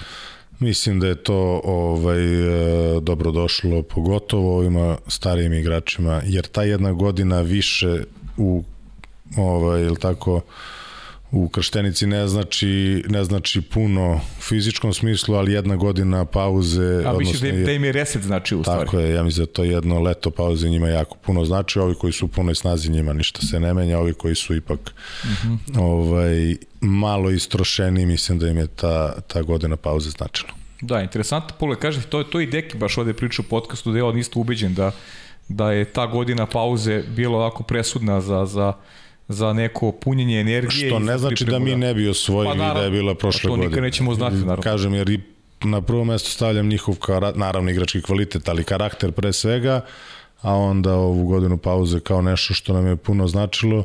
I iskreno nisam se pribojavao na onaj način na koji su svi pričali o tome da je Španija za nas nepobediva, to se nisam pribojavao. E, ne da sam bio sigurno da ćemo ih pobediti, nego što sam verovao da to možemo jer znam da se kod nas jako teško razvija taj taj eventualno kompleks od neke druge ekipe da, i tako dalje, to nama ni ne priliči po karakteru, mi nismo taj karakter da mi kad gubimo i kad je jasno da je neko bolji, mi dalje u podsvesti mislimo da smo mi bolji, tako da, da. teško da mi razvijamo ovaj kompleks niže vrednosti odnosno na nekog. Uh -huh. A šta, kako vidiš budućnost ovaj, kada pričamo, naravno, znam da neće se mešati u posao selektor, ne treba to ni da radiš, nego prosto, kako ti vidiš budućnost kada govorimo o reprezentaciji, pošto jako dobro poznaješ sada i, i, i igrače, manje više sada momci koji igraju u domaćoj ligi, da li misliš da ta sad neka baza igrača koji treba da zaigra za reprezentaciju može da a, drži Srbiju i dalje na, na, na vrhu kada pričamo o svetskom poredku? Nemam, nemam dilemu da može. Uh -huh. Da će to tako da bude, kažem opet, mnogo faktora utiče, siguran sam da može, siguran sam da ima stvari koje ili tako mogu da se urade bolje, pogotovo u pripremi tih igrača koji tek treba da se stave na raspolaganje selektoru seniorske reprezentacije, ali s druge strane mislim da imamo dovoljan broj igrača koji može da kvalitetno, kvalitetno nastupa u seniorstvu. Tako da sigurno možemo da imamo kvalitetnu reprezentaciju, sigurno ćemo imati u stvari kvalitetnu reprezentaciju, jer kad se priča o tom smeni generacije, svi zanemaruju da i drugi moraju da... Pa da sad da li će Grci ova dva centra, da li će ostanu još tri godine do sledeće olimpijade, verovatno hoće na Mišić. Hrvati Ali i oni jednom mora, momentu mora da ih zamenu, što ne znači nužno da će da dođu loši od njih. Nego, Naravno. Tako isto i Hrvati moraju da zamene, isto i Mađari, pa Mađarima Deneš Varga isto godište kao, kao Andrija i Fić. Jeste. Ja. Pa ne može ni on zauvek, ali tako mora da uđe neko drugi. Dok, ok, imaju oni igrača na, na tim pozicijama, imaju oni kvalitetnih igrača, ali imamo i mi. Tako da ne treba previše se vezujemo, mi se vezujemo, ali tako za za imena, pogotovo kad oni postaju legende, već onda se mi vežemo za ta imena i mislimo da niko sledeći nije mislim da se samo u stvari dešava prirodni proces. A treba se setimo Rima samo 2009. godine. To je ekstrem. Da, i kako su momci otišli na svetsko prvenstvo? To je ekstrem, jer je tri godine pre toga bila zajednička država i starija generacija. A ovo je, znači, tri godine posle odvajanja od Crne Gore, sada se popunjava reprezentacija samo igračima iz Srbije. Mi sigurno sistemski tad nismo bili spremni na to. Ali sada da ne ulazimo u analizu, ali ovaj, e, pa je opet bilo više nego dobro. Baj, bajkovito. bajkovito, bajkovito sve je tamo i krenulo, mislim, kada pričamo o ovoj generaciji. Tako je. Miloše, mislim da je vreme da se malo okrenemo i ovim klubskim temama, pre nego što pređem na pitanja, a ima ih, zaista ih ima, hoću sve da ih prođem. E, ti si došao sa Malten, nema odmora, zasukao si rukave, banjica, e, ajde da ovako kažemo za navijače Partizana, dakle Partizan se pojačao za sezonu koja počinje 6. oktobra, najnovije povećanje, u stvari ti će sad da ispričaš Marko Vavić, svi pričaju o Marku Vaviću, sad će da kaže šta je, šta je priča za Marka Vavića, ali ću reći da je Partizan ovog leta doveo Milan Aleksića, Nemanju Vica, Petra Velkića, Dimitra Ističevića, Filipa Radojevića, Lazara Vičkovića i Aleksa Bovena. To su igrači koji su stigli u pauzi između, između dve sezone.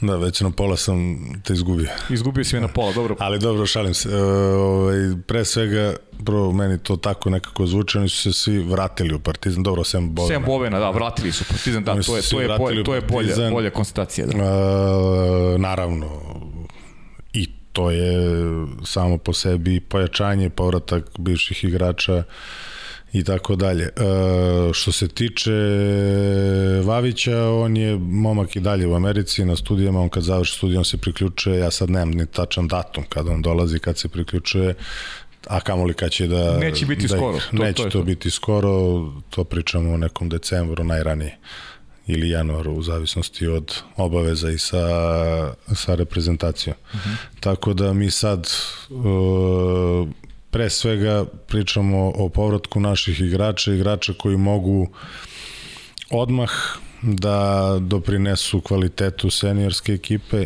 igrača koji imaju već sad i iskustva, naravno ne pričamo o, o, Mići i o Mitru, nego ovim drugim koji imaju već sada neki od njih i veliko iskustvo i reprezentativno i klubsko, da doprinesu kvalitetu seniorske ekipe, a isto tako i razvoju mlađih igrača koji su u samom prvom timu. S jedne strane, e, kad se tako nabroji spisak igrača, to je respektabilan prvi tim, mislim, nažalost ne igramo evropska takmičenja ove godine, e, e, ali mislim da bi bio i respektabilan tim i za Evropu. Uh -huh. E, pogotovo za Len Kup koji, koji mislim da nam je prošle godine stvarno izmakao ovaj, nesrećno, tako da s te strane gledano to opet liči na neku strukturu kluba i na, na, na klub kakav Partizan treba da bude. Znači, to je sigurno da mora da postoji snažan prvi tim i e, e, neka vidljivost puta kojim mladi igrači treba da idu, pričamo onim koji igraju u omladinskom, juniorskom, kadetskom pogonu Partizana, da budu svesni gde je njihova putanje i ka čemu streme. Uh mhm. -huh. Jer su ovi tvoji mlađi juniori i su oni ovaj, uz prvi tim, Jesu, pa dvojica od njih su bili i prošle godine. Tako je. Dvojica od njih su bili i prošle godine, znači igrali su kad su imali 16 godina, naravno nije to uloga koju ima formiran igrač, ali su bili uz prvi tim i igrali popriličan broj utakmica e, i to je nešto što je prirodno, to, to, to, to nikad nije bilo čudno u Partizanu da mladi igrač dobije šansu, neće biti ni sada. Tako da bez obzira na broj igrača, uvek će biti prostora za mlade igrače, pogotovo za mlade igrače koji na pravi način se obhode prema sportu, koji imaju pravu i iskrenu ambiciju u sportu i koji naravno pokažu kvalitetom da zaslužuju da im se šansa Da.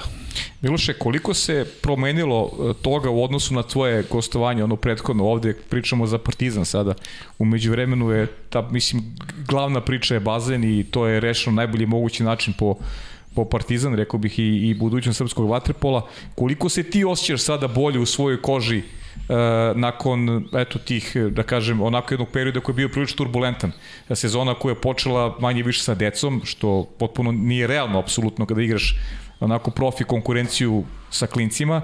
E, e, neki, neki koraci, konstantno se pravi koraci koji su onako, verujem i tebe čine, čine onako zadovoljnijim, zadovoljnijim na bazenu. Pa ne, nema šta, mislim, s obzirom na sve što se dešavalo, ovo se sada jako brzo odvilo u pozitivnom smeru.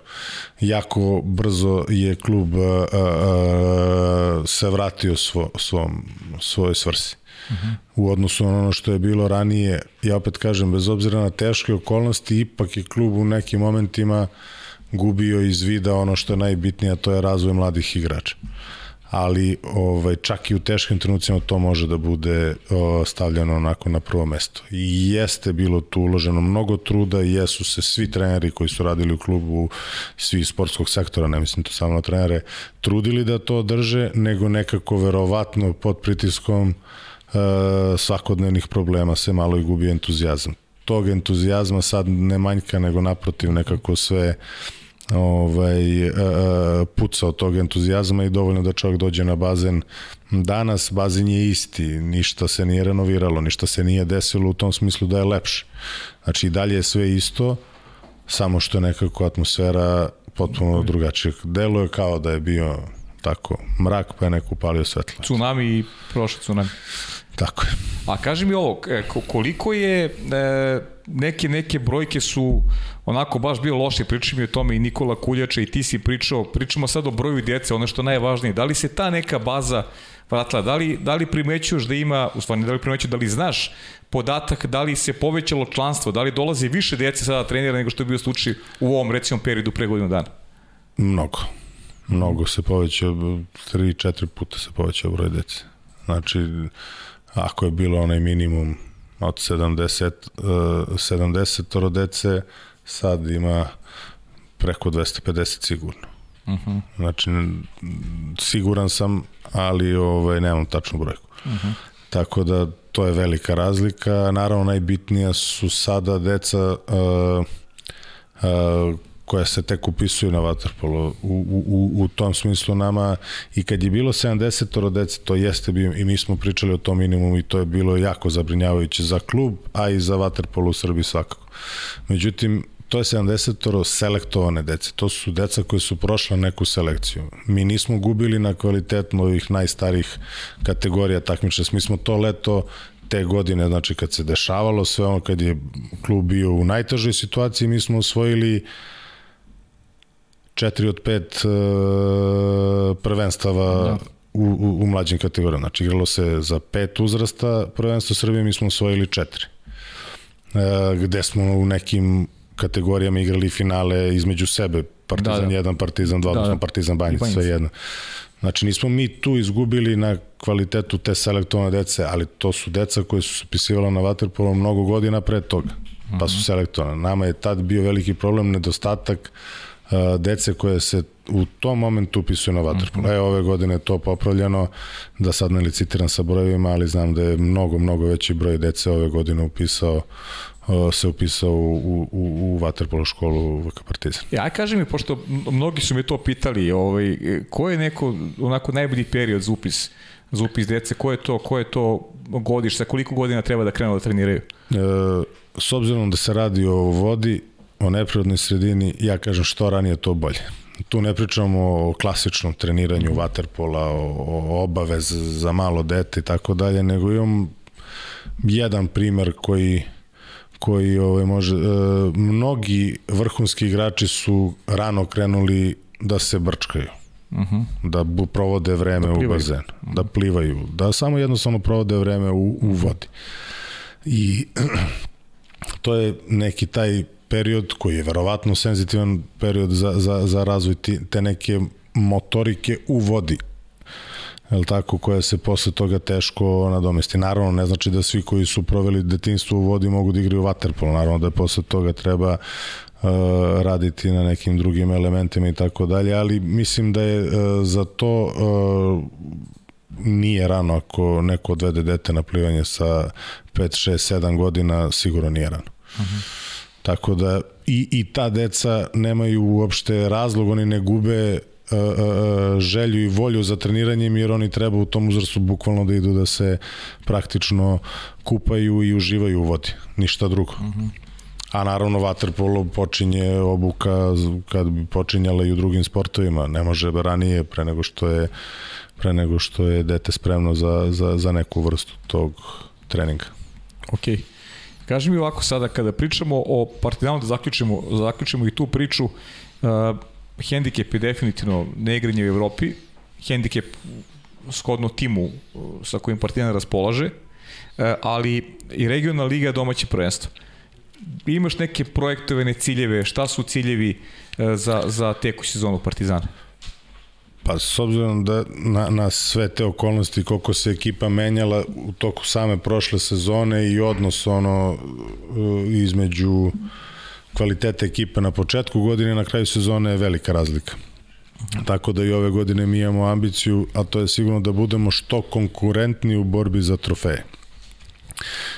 Kad to kažem, ne mislim da je objektivno da mi pretimo E, ekipama koje su, koje su e, favoriti, ali isto tako mislim da e, ako ništa drugo bi trebali da im budemo pretnje. Siguran sam da oni na nas na taj način i gledaju, sigurno nas ne pocenjuju. Ovaj, kažem, na nama je da, da budemo tu, tu što konkurentni. S obzirom da je veliki broj ekipa se pojačao, mi objektivne odnose snaga u ovom momentu ne možemo da znamo ali ako bih ja morao nekako da nabrojim te favorite, to je pre svega Novi Beograd, apsolutni favorit po meni za, za sve trofeje ove domaće, pa čak pa, i, i za Ligu šampiona. Ja. I za Jadransku ligu i za Ligu šampiona. Ovaj, e, za Ligu šampiona naravno manje tu postoji. Dobro, da, ima tu. Nisu, sam, nisu sami. Naravno. Ovaj, e, radnički pre svega zbog kontinuiteta koji imaju sa iste ekipe koja se konstantno pojačava, evo i ove godine je jača uh -huh. nego prošle godine. i, i predstavio jedno onako ozbiljnu evropsku ekipu plus iskustvo iz Lige šampiona mislim da će im jako puno značiti pogotovo kad dođe do play-offa i do, do, do, do, do borbe za trofeje. Posle toga Zvezda koja se izuzetno pojačala i prošle godine su imali respektabilan tim, ove godine su se još pojačali, mislim da imaju e, takođe interesantnu ekipu i po kvalitetu i po iskustvu, veliki broj iskusnih igrača e, i već, kažem, posle Zvezde možemo da pričamo o Šapcu Vojvodini i nama.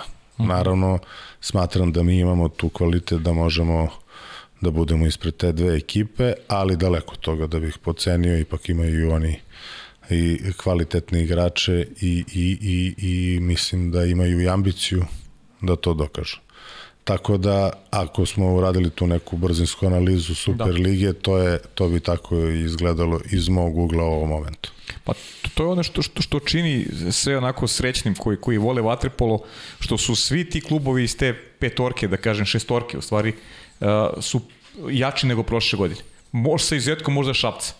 Možda Šabac nema, nema ekipu koja... Da, Šabac nije jači nego prošle, nego prošle sezone. godine, ali da. Vojvodina je jača definitivno takođe nego prošle sezone. Evo sad s ovim novim pojačanjima definitivno dosta, jača nego prošle godine. Dosta da. kvalitetnija ekipa nego prošle godine. Mi neuporedivo, kažem i ove prve tri ekipe, ovaj, kažem, da se razumemo, ja ne odvajam prve tri, druge tri ekipe kao da mi, i prošle godine je Vojvodina pobeda. Mislim, jedan razlog zašto mi ne igramo u Evropi jer je Vojvodina iznenadila Novi Beograd. Novi Beograd, tako je, tako je jer taj poraz, jedan od razloga, kažem, ne jedini, i mi smo izgubili od Vojvodine, a dobili u drugoj utakmici u Novom Sadu. Tako da, i mislim da je to, u tome jeste draž. Mislim da mhm. ta ekipa koju ne računaš za, za sam vrh može da pobedi onoga ko je favorit za sam vrh. To je, mislim, kvalitet, kvalitet uh, lige.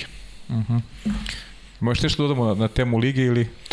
Pa ne, jedva čekamo da počne. Da, šestog, znači Partizan prvo Mi kolo. Mi sedmog sa, počinjemo sedmog, da, sa, sa, sa, sa šapcem, da. ali šestog počinje prvo kolo. Da, dobro, Jadranska liga takođe i to je prilika isto za, za onako Absolut. dobre utakmice, za sticanje i iskustva ih mladih igrača. Apsolutno, nemam tu šta da dodam, tu svi ovih prvih šest ekipa osim Vojvodine igraju da. u prvoj ligi. Uh, Jadranskoj plus hrvatski klubovi, ajde da kažemo, mladost je slabija, ali Jadran se pojačao, Jug po meni slično kvaliteta kao i, i, i prošle godine. Uh -huh. Da ne nabrajamo sad, ima tu i drugih ekipa, ima i crnogorske ekipe, tako da biće onako jedna vrlo interesantna liga. Nažalost, igra se, nažalost, Da, u ovim okolnostima da. dobro je da se uopšte igra, ali igra se turnirski umesto ligaški, tako da s te strane će to biti malo specifično, to je 5-6 utakmica u 3 dana, to će biti dosta naporno, ali mm. tako je kako je. Dobro, Partizan nešto, treba još nešto se doda? Znam da si mi rekao da, da onako postoji problemi, ovaj COVID pravi problem vezano i za, i za treniranje i da, da će Kako? to igrati jako bitnu ulogu tokom cijele sezone. Sigurno, sigurno, sigurno i mislim da i broj igrača koji su klubovi registrovali za takmičenja govori o tome kako su ljudi shvatili sve ovo što se dešava. Tako i mi imamo veliki broj registrovanih igrača, pa uh mhm. -huh.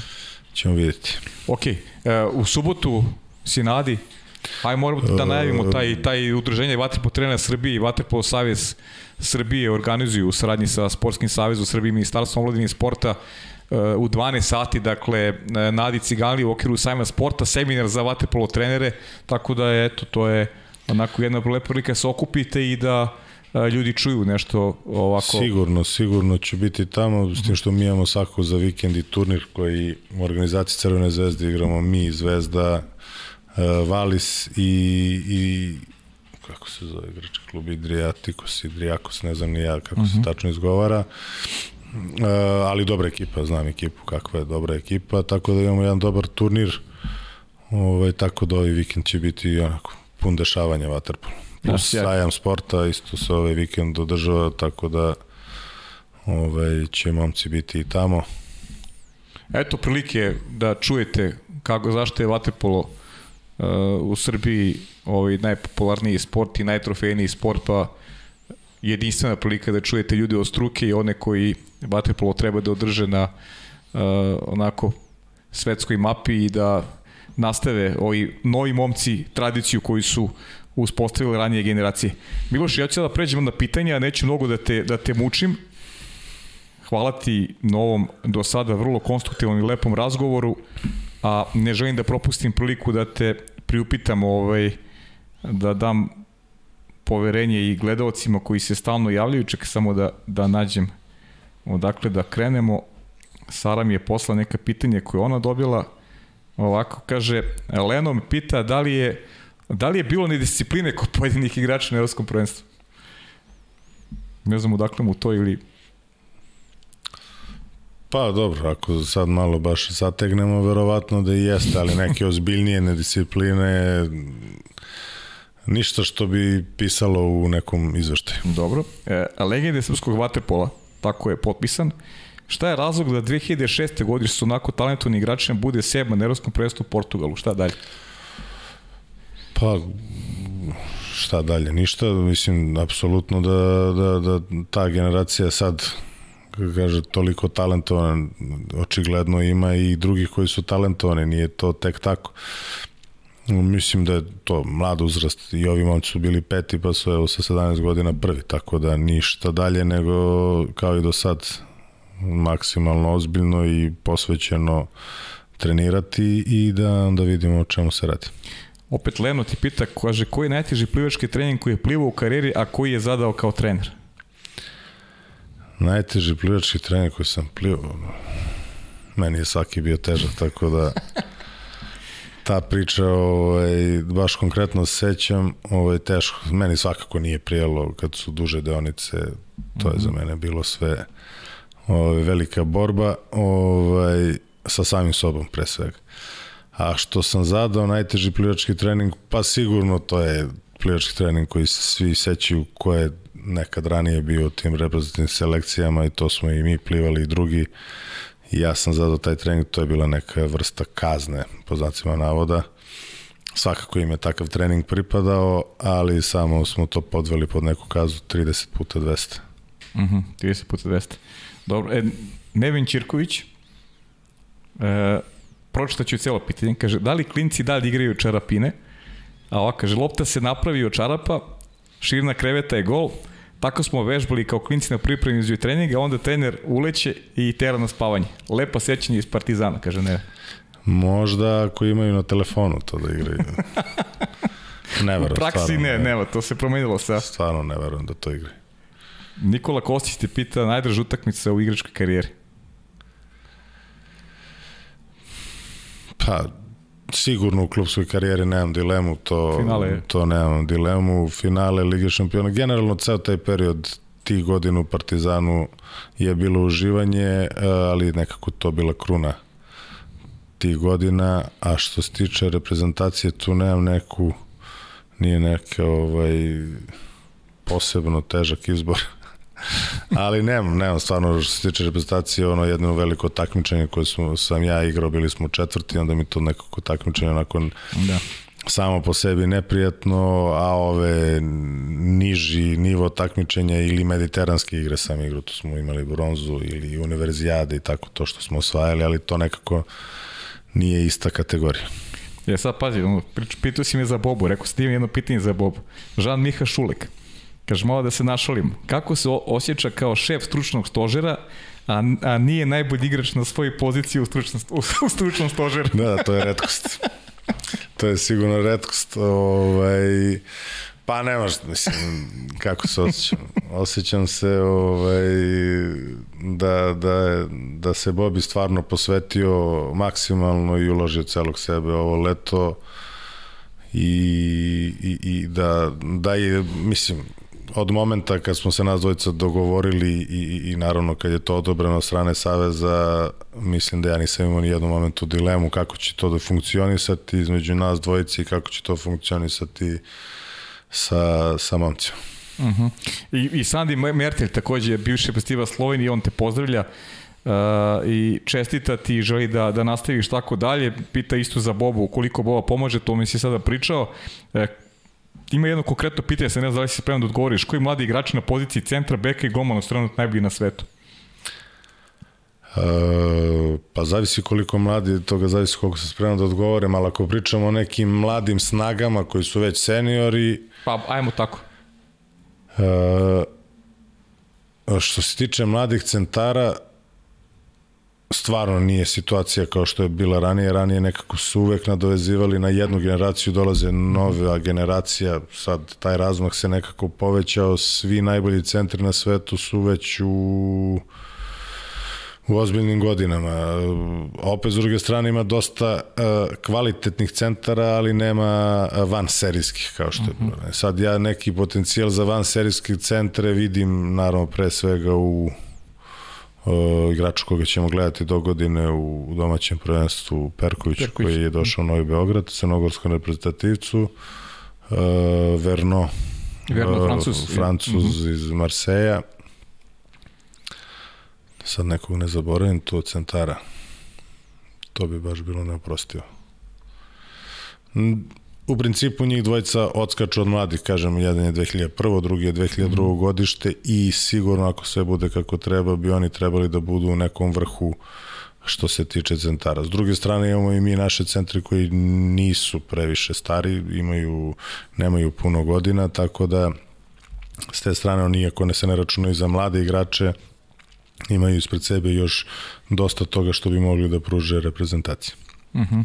Što se tiče beka, e, jako teško pitanje, to je situacija još gora nego sa centrima po meni, zbog e, kriterijuma suđenja, mislim da je Dejan to pričao Mm -hmm. ovaj, ako se dobro sećam, Jeste. gubi se veština igranja beka. Sve je mm -hmm. zabranjeno, ništa nije dozvoljeno, uh, sve se računa kao grup faul, sve se računa kao isključenje bez lopte, Uh, s druge strane kontrafaulovi se sude tek kada ti direktno omoguće neku prednost, znači dozvoljava se neki kontrafaul u pripremi da bi se svirao tek kada dobiješ loptu, da ne ulazimo sad u detalje, mislim da je to sve onemogućilo bekove da se razvijaju.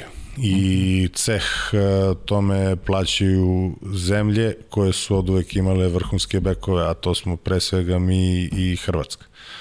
E, mislim da se tu gubi malo razlika u toj igri 1 na 1 koji, i prednost koju smo mi imali odnosno na druge reprezentacije, jer ipak je naše poimanje svatanje igre beka e, značajno drugačije u odnosu na druge kvalitetne reprezentacije, nekako smo mi tu najviše na gubitku, a po meni onako indirektno i taj nedostatak mladih centara je vezan za to jer došlo do toga da svako ko je spreman da, da, da, da, da, da se bori, da se dobro umori i da primi batine može da bude centar. A to ranije nije bilo tako, bila je neophodna mm -hmm. neka veština.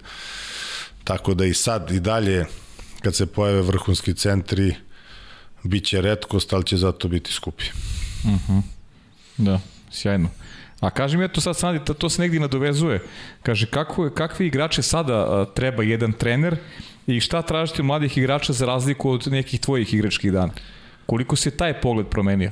Uh, ubrzalo se igra, kad kažemo ubrzalo se, uh, to znači da je zahtevnija fizički, uh, manje je duela, to je istina nego što je bilo ranije, uh, u, u, u pre nekih 15 godina, ali je zato mnogo više kretnji. Tako da ta neka izdržljivost je a, a, sada neophodna, to su dve različite, ali tako izdržljivost, ovo je bilo mnogo više u kontaktu i duelu, a sada mnogo više u kretnji, tako da se i sistem i način treninga sigurno mora prilagoditi tome, već i jeste, nema tu dileme. Uh -huh. Uh, što se tiče opet ključnih pozicija, ono je opet ostaje isto, zato i kažem, uh, uh, jako, jako redki će biti centri koji odskaču na način na koji su odskakali ranije vrhunski centri, ali će zato biti još skuplji i, i, i ovaj, više na ceni nego ranije centar, back, golman i dalje ostaju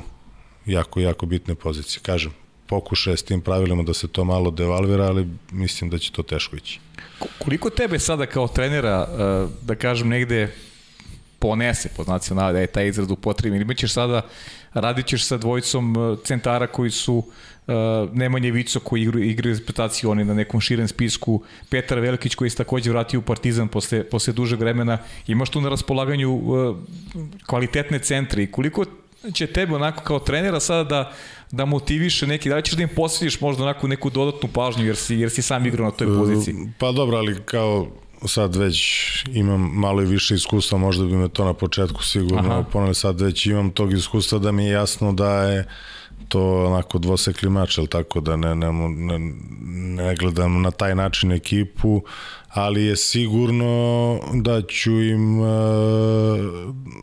preneti najviše od onoga što može sada se upotrebljava. Stvarno sigurno neću pričati kako je to nekad bilo mm -hmm. ovako i onako, nego baš sve što može sada se upotrebi i stvari koje mogu da akcentuju. E, definitivno volim individualni rad, e, volim individualni rad na svim pozicijama, ne samo na, na centrima i mislim da je tu prostor za mlade ekipe uvek najveći prostor za napredak. Mm -hmm. Okay.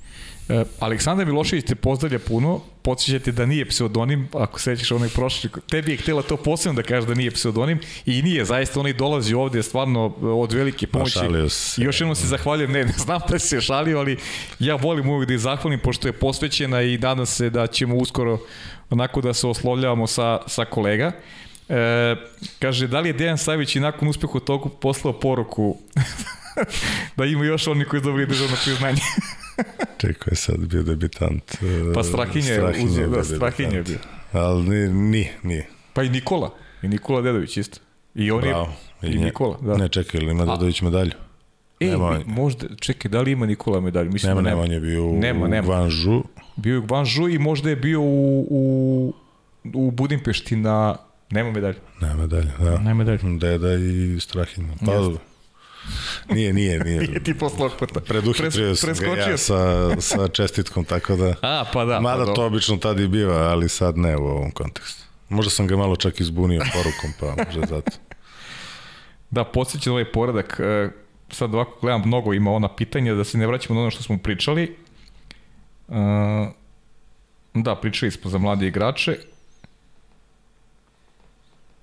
Da, da li su uspesi igrača do 20 godina na SP i ovaj uspeh igrača do 18 godina na EP dokaz da a, imamo svetlu budućnost u Parizu i Los Angelesu i dosta naslednike ove najtrofejnije generacije?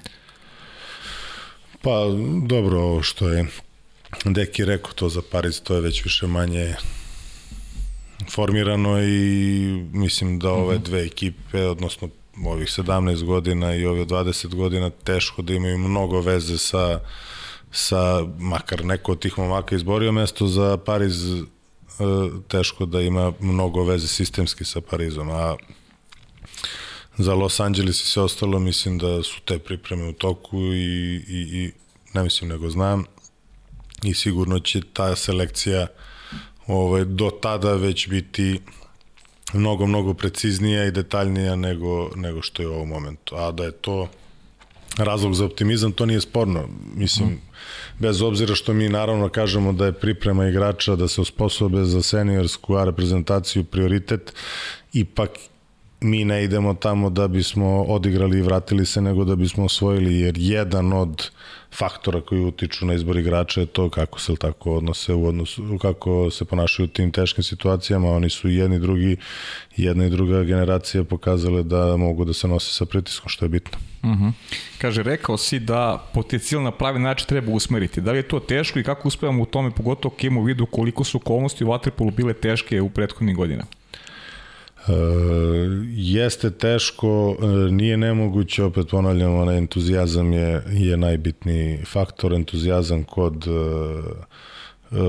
kod momaka, kod trenera, ali u ovim novim okolnostima sve više i entuzijazam kod roditelja, samo dok je konstruktivan. Uh -huh. Selektor Savić je neki naši pređošni gosti, kaže Aleksandar, poput Stefana Ćirića, su govorili i skretali pažnju odliv trenera.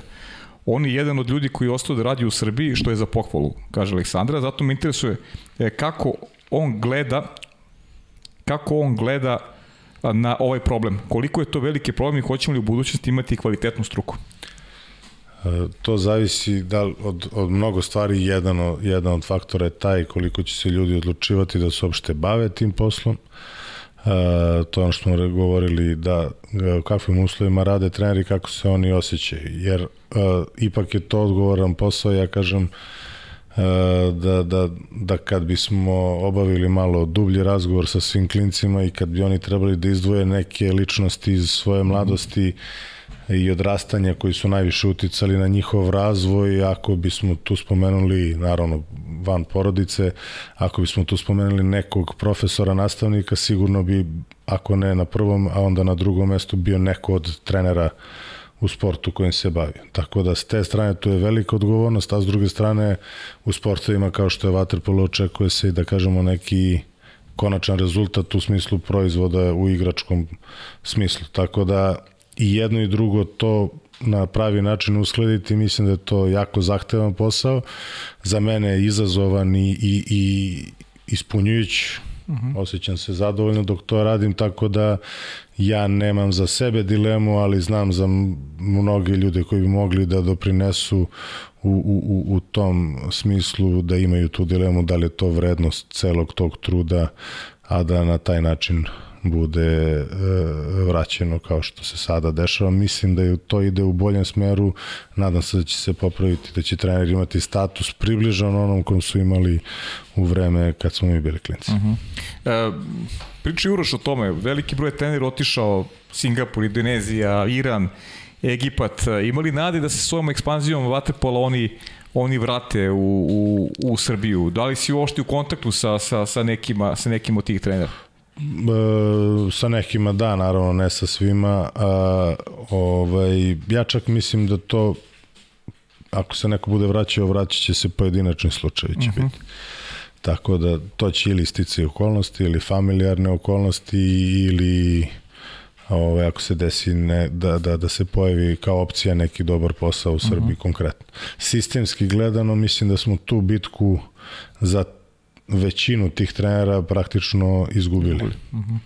I uh, to možemo da posmatramo onako tragično, a možemo da gledamo i sa druge strane daj da ne izgubimo neke sledeće. Uh -huh. Eto, to je po meni najbitnije, da ne izgubimo neke sledeće i buduće i da se od početka tim trenerima, opet kažem, da neki jasan put kojim oni mogu da idu do nekog rezultata i cilja da bi praktično sve zavisilo od njih kao što pred igrače stavljamo put kojim treba da idu i uh. -huh. stalno im dajemo do znanja da od njih najviše zavisi, tako isto treba i sa mladim trenerima. Uh -huh. uh, da, još jedna onako zanimljiva observacija, kaže da li je ključno da mladi reprezentativci ne treba da se ugledaju na sve što seniju rade, već na sve što su radili da bi od toga došli i koliko je to teško približiti mladom igraču, koliko je rada, truda, odricanja uloženo da bi se došlo do, do, do, do takvog nekog stava i, i onako pr preneti mladom igraču tako nešto, koliko je, koliko je to teško. To jeste jako puno, to, ali da sad skoro, čak negde da sam video taj klip, E, samo na mikrofon možete. Gde sam već ja negdje razgovarao na tu temu, onda mi je neko poslao da li zbog toga što je čuo ili ne znam sad tačno mm -hmm. seti, nije bitno. Radi se o drugom sportu i slično, slično razmišljanje trenera. A plastičan primjer, ajde, tebi će biti jasno o čemu mm -hmm. pričam. Kad bi se sad pre 15-20 godina, kad je recimo Iverson bio na vrhuncu mm -hmm. i sad onaj njegov čuveni intervju gde on priča o treningu i kako on je suspendovan zato što nije došao na trening ili kako trener ljuti na njega što on nije došao na trening gde on to ne može da razume, ali tako kako nisam došao na trening, a na utakmicama, gde sam ja na utakmicama, ali ja dajem svoj mm -hmm. maksimum, naravno da daje svoj maksimum i tako dalje. Sad zamislite kad bi to mladi igrač primenio na sebe. I kaže, šta će, nisam bio na jednom treningu, ti mi tu nešto zvoceš. Da na, na, to je plastičan primer i mhm, onako mm -hmm. banalan primer, ali tako isto i neke druge stvari. E, ono što je potrebno igraču od 35 godina nema veze sa onim što je potrebno igraču od 17 do 22, 3, 4 godine kad on se i dalje razvija kao igrač i tako dalje. Kad pričamo o seniorskom, da ne pričamo naravno o deci. Tako da, naravno da ne treba na sve da se ugledaju što rade, ali kad bi imali prave informacije da skupljaju što više tih informacija kako je neko provodio vreme nekad ranije dok je trenirao i čuvena priča, evo sad da ne idemo u drugi sport, imamo i Denisa Šefika, tako, koji je primer neku u sportu i sad nije nikakva tajna ako ja kažem da Denis nije voleo puno da trenira, al tako? Da, pa to i sam rekao ovdje, pa, tako naravno. Ali svi zanemaruju da je Denis u ključnim godinama za njegov razvoj svako veče bio na treningu i trenirao stvarno jako. Uh -huh. to što on ima fiziku da je na osnovu toga mogao dugo, dugo da brani i bio na takvoj poziciji da može ali kad bi se onda mladi golmani ugledali na Denisa Šefika kako je on trenirao u nekom uh -huh. kasnijem periodu, sad to je samo banalan, kažem, primer i primer vezan za treninge, ali ima isto tako mnoge druge stvari koje koje ovaj, mladi igrači treba da sagledaju širu sliku, nije lako u tim godinama, ali zato smo tu. Uh -huh. e, a, kaži mi ovako, kako gledaš ta problem roditelji u sportu danas? Koji zbog nekih svojih neostvarenih ambicija forsiraju djecu ili čak ne upisuju na sportove koje žele, već i gledaju one koji su ekonomični isplativi, poput recimo futbola, košarke, tenisa i koliko su danas djeca zainteresovana za, za vaterpolo? Pa mislim da jesu, na sreću uh -huh. kod nas jesu, verovatno je to vezano i za ove rezultate, reprezentacije, verovatno je to vezano i za nekadašnje uspehe klubova i potencijalno buduće.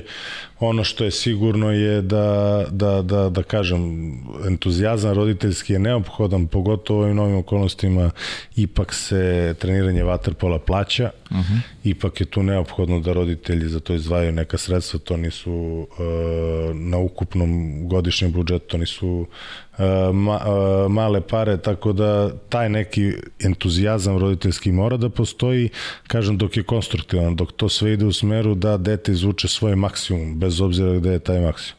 Mm -hmm. Od momenta kad roditelj zacrta za svoje dete neki krajnji cilj ili potencijalni uspeh ili sve drugo, onda to po meni ide u neku destrukciju -hmm. i ide u kritikovanje a, a, a, ono što prvo padne pod ruku, to je obično trener, al tako, redko mm -hmm. koji neretko koji roditelj a, ovaj, ne spomene trenera mm -hmm. na dnevnom nivou.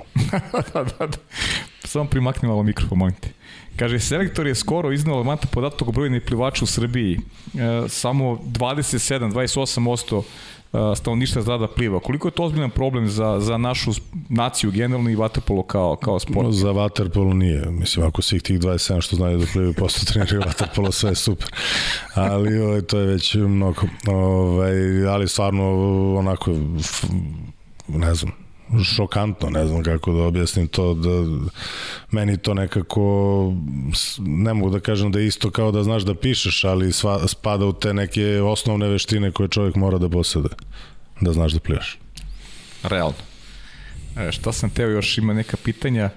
Da, Viktor Vorošović, inače MVP prvenstva, to nismo naglasili, to nisu, nisu mnogo ni pisali o tome. Slučajno smo zaboravili da, Slučajno da, da zaboravili. da neko ime spomenem. Da, da, Viktor Vorošović, evo ja sam pomenuo, nisi ti, nego ja, znam da ti to ne radiš nikada. Šalim se, pa svoj momak MVP, da ali treba ga pomenemo, da ga izdvojimo. Eto, da, da, i rekao je da, da onako ambicije su da se osvoji svetska titula le, lepo, lepo imati sportsku ambiciju. A... Treba i, kažem, oni treba da imaju pre svega ambiciju ovu svakodnevnu da oni napreduju, a naravno da su oni sad poneseni ovim uspehom, hoće da osvoje sve i to je normalno i ovaj, bitno je samo da ih mi na vreme prizemljimo i pokažemo stvari kojim putem se ide do svetske ili bilo koje drugih titula.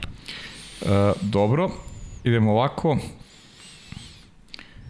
Kako vidiš seniorsku reprezentaciju u Srbiji u narednih 5-10 godina?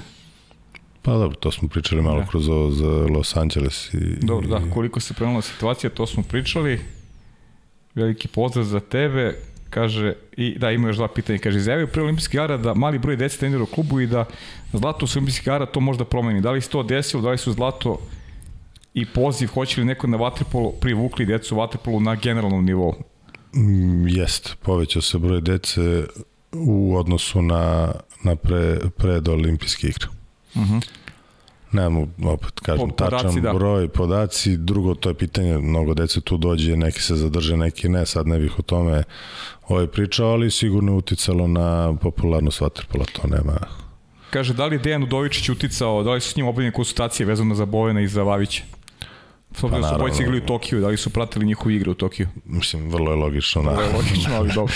Mislim, za Bovena, ajde, više manje Boven je već... Uh kako bi to rekao, igrač koji je poznat, koji već dugo igra u Evropi, jedan od njihovih, po meni, najboljih igrača, vrlo kvalitetno rešenje na poziciji na kojoj igra i to nije dilema. Naravno, malo više je bilo razgovora na temu oko Vavića, međutim i tu s druge strane Uh, njegov otac je vaterpolo trener, uh, njega poznajem ja jako dugo, tako da sam i sa njim obavio jedan razgovor gde on čovjek jako otvoreno priča, što je redkost. Eto, roditelj, trener, kako da. može otvoreno da pohvali i skritikuje rođeno dete, odnosno rođenog igrača, pošto mu je u isto vreme i roditelj i trener bivši. Dobro, ovde su još opet neka pitanja koje smo već absolvirali vezano za tvoju projekciju u Rija, zašto si mislio da je teže bilo sada nego, nego e, na prošlom prvenstvu i tako dalje. Ok, to su, to su neke teme. Miloš, ili ima nešto te nisam pitao, a, a ti bi volao da istakneš kroz ovu emisiju, a ja moram samo sad pre nego što ti to kažeš da ti se zahvalim na još jednom vrlo konstruktivnom razgovoru, ja sam zaista uživao i, i budi sigurno da ćete pozvati ponovo.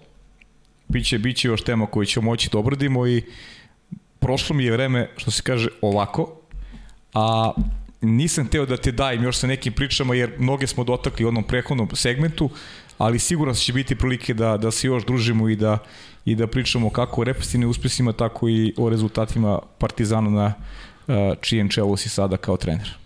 Vrlo rado, hvala ti na pozivu, mislim da je svakako jako bitno da, da, da pričamo uvek o aktualnostima vezane za Waterpol, opet da ti se zahvalim u ime svih ljudi iz Waterpola, to nema uopšte zbora, da je to onako jedno m, e, osveženje emisija tvoja, odnosno vaša koju radite ovde i da to, da to predstavlja nešto na osnovu čega, ali tako možemo i u budućnosti da da, da, da iznosimo i stavove i da, da pričamo i na neki način da popularizujemo naš sport.